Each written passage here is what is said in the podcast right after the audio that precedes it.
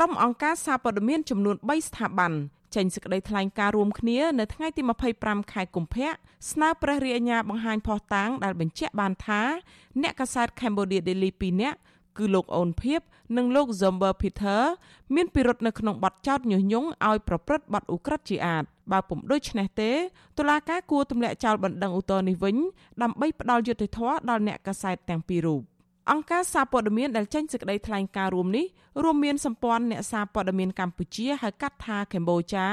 មជ្ឈមណ្ឌលកម្ពុជាដើម្បីប្រព័ន្ធផ្សព្វផ្សាយឯករាជ្យ CCIM និងក្លឹបអ្នកសារព័ត៌មានបរទេសនៃកម្ពុជា OPCC ក្រុមអង្គការសង្គមស៊ីវិលទាំង3ស្ថាប័នពិនិត្យឃើញថាជាង3ឆ្នាំមកនេះតុលាការគ្មានភស្តុតាងដែលបញ្ជាក់ថាអ្នកកាសែតទាំងពីររូបមានកំហុសនោះឡើយផ្ទុយទៅវិញ ពួកគេគឺជាគោលដៅនៃយុទ្ធនាការយាយីនិងបំផិតបំភ័យតាមផ្លូវតុលាការចៅក្រមតុលាការខេត្តរតនគិរីបានទម្លាក់ចោលការចោទប្រកាន់លើលោកអូនភៀបនិងលោក Zomber Peter កាលពីចុងខែវិច្ឆិកាឆ្នាំ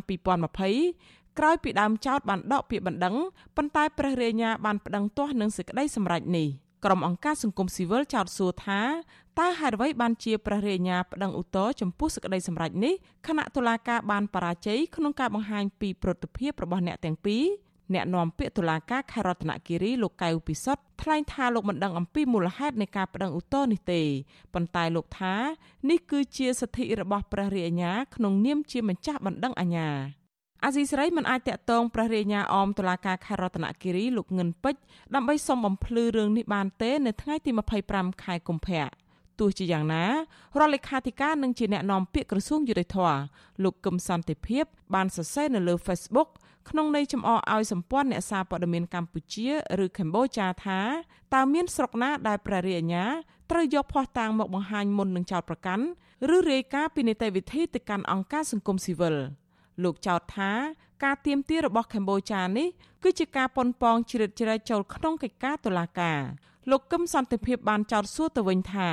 តើកម្ពុជាបានអនុវត្តនិងបំពេញលក្ខខណ្ឌទៅតាមច្បាប់ដែរឬទេ ហើយបានប្រភពថវិកាមកពីណាឆ្លើយតបទៅនឹងការចោទប្រកាន់នេះ នាយកប្រតិបត្តិកម្ពុជាលោកណុបវីមានប្រសាសន៍ថាសេចក្តីថ្លែងការណ៍របស់ក្រុមអង្គការសង្គមស៊ីវិលធ្វើឡើងដើម្បីជំរុញឲ្យមានសេរីភាពសារព័ត៌មាននៅកម្ពុជាមិនមានបំណងជ្រៀតជ្រែកកិច្ចការតុលាការនោះទេ លោកណប់វីយល់ថាការចោទសួររបស់លោកកឹមសន្តិភាពអំពីដំណើរការរបស់កម្ពុជានោះគឺជារូបភាពនៃការគំរាមកំហែងលើស្ថាប័នរបស់លោកប៉ុន្តែលោកបញ្ជាក់ថាក្រុមការងារកម្ពុជាមិនភ័យខ្លាចនឹងការគំរាមកំហែងនេះទេព្រោះកម្ពុជាបំពេញការងារស្របតាមច្បាប់ សេរីភាពសារព័ត៌មាននៅក្នុងប្រទេសយើងហ្នឹងគឺមានការធ្លាក់ចុះហើយមុខមាត់ប្រទេសយើងមុខមាត់រដ្ឋាភិបាលក៏មានការប៉ះពាល់ដែរអញ្ចឹងអ្វីដែលយើងធ្វើហ្នឹងគឺដើម្បីយើងជួយលើកមុខមាត់ប្រទេសជាតិរបស់យើង ជួយជំរុញផ្នែកវិស័យសារព័ត៌មានហ្នឹងឲ្យបានកាន់តែប្រសើរឡើងទេ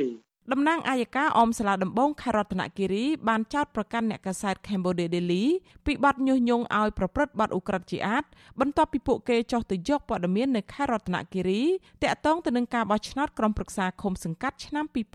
2017សំណុំរឿងនេះកើតឡើងមួយសប្តាហ៍មុនពេលស្ថាប័នកាសែត Cambodia Daily បង្ខំចិត្តបិទទ្វារដោយសារតែបញ្ហាពន្ធដារដ៏ចម្រូងចម្រាស បច្ចុប្បន្នអ្នកកាសែតទាំងពីររូបកំពុងភៀសខ្លួននៅក្រៅប្រទេសដើម្បីគេចចេញពីការធ្វើទុកបុកម្នេញពីសំណាក់អាជ្ញាធររបបក្រុងភ្នំពេញ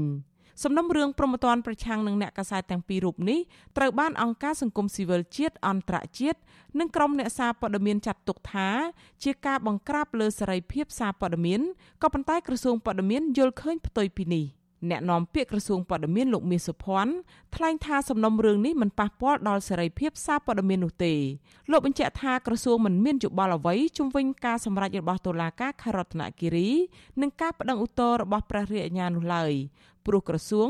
គោរពឆន្ទានុសិទ្ធិរបស់ស្ថាប័នមានសមត្ថកិច្ចគាត់ត្រូវចូលរួមនៅក្នុងនីតិវិធីតឡាការហើយដាក់ផុសតាំងដើម្បីដោះសន្ទុកទៅអានឹងគឺការចប់ហើយអត់មានអីត្រូវមកអំពាវនាវក្តីថ្លែងការអីវាអត់មានទម្ងន់ឬក៏វាអត់មានសារៈប្រយោជន៍អីសម្រាប់ស្ថាប័នដែលគេអនុវត្តទៅតាមនីតិវិធីទេទោះជាយ៉ាងណាក្រុមអង្គការសារព័ត៌មានដែលមានសមាជិករាប់រយនាក់ អះអាងថាពួកគេមិនអាចនៅស្ងៀមបានទេចំពោះសំណុំរឿងរបស់អតីតអ្នកកាសែត Cambodia Daily ទាំងពីររូបពីព្រោះពួកគេយល់ថានេះជាការវាយប្រហារវិជ្ជាជីវៈនិងសេរីភាពសារព័ត៌មាននៅកម្ពុជាក្រោមហេតុផលនៃការអនុវត្តច្បាប់ស្ថាប័នទាំងនេះបញ្ជាក់ថាពួកគេនឹងនៅជាមួយអ្នកកាសែតទាំងពីររូបដោយសាមគ្គី និងទាមទារឲ្យអាជ្ញាធរត្រូវតែទម្លាក់ចោលករណីនេះ មេធាវីការពារក្តីឲ្យអតីតអ្នកកាសែត Cambodia Daily ទាំងពីររូបគឺលោកសេកសុភ័ណ្ឌជឿថាព្រះរាជអាជ្ញាទំនងជាគ្មានមូលដ្ឋានអ្វីថ្មីក្នុងការបន្តចោទប្រកាន់កូនក្តីរបស់លោកនោះទេលោកគូសបញ្ជាក់ជាថ្មីទៀតថាសកម្មភាពរបស់កូនក្តីលោកទាំងពីរមិនមែនជាបទល្មើសនោះឡើយក៏ប៉ុន្តែ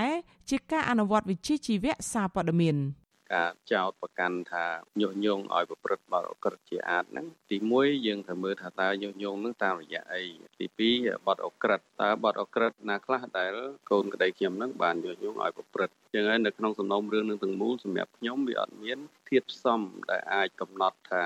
កម្មភាពរបស់កូនក្តីខ្ញុំហ្នឹងជាបទល្មើសទេបាទ សម្ព័ន្ធអ្នកសារព័ត៌មានកម្ពុជាមជ្ឈមណ្ឌលកម្ពុជាដើម្បីប្រព័ន្ធផ្សព្វផ្សាយឯករាជ្យនិងក្លឹបអ្នកសារព័ត៌មានបរទេសនៃកម្ពុជាទាមទារឲ្យអាជ្ញាធរកម្ពុជាកុំរំលោភសិទ្ធិអ្នកសារព័ត៌មាន ជាពិសេសពួកគេអំពាវនាវដល់គ្រប់ភាគីឲ្យរួមគ្នាគាំទ្រនឹងការពារសេរីភាពសារព័ត៌មានចា៎នាងខ្ញុំខែសុណងអាស៊ីសេរីរាយការណ៍ពីរដ្ឋធានី Washington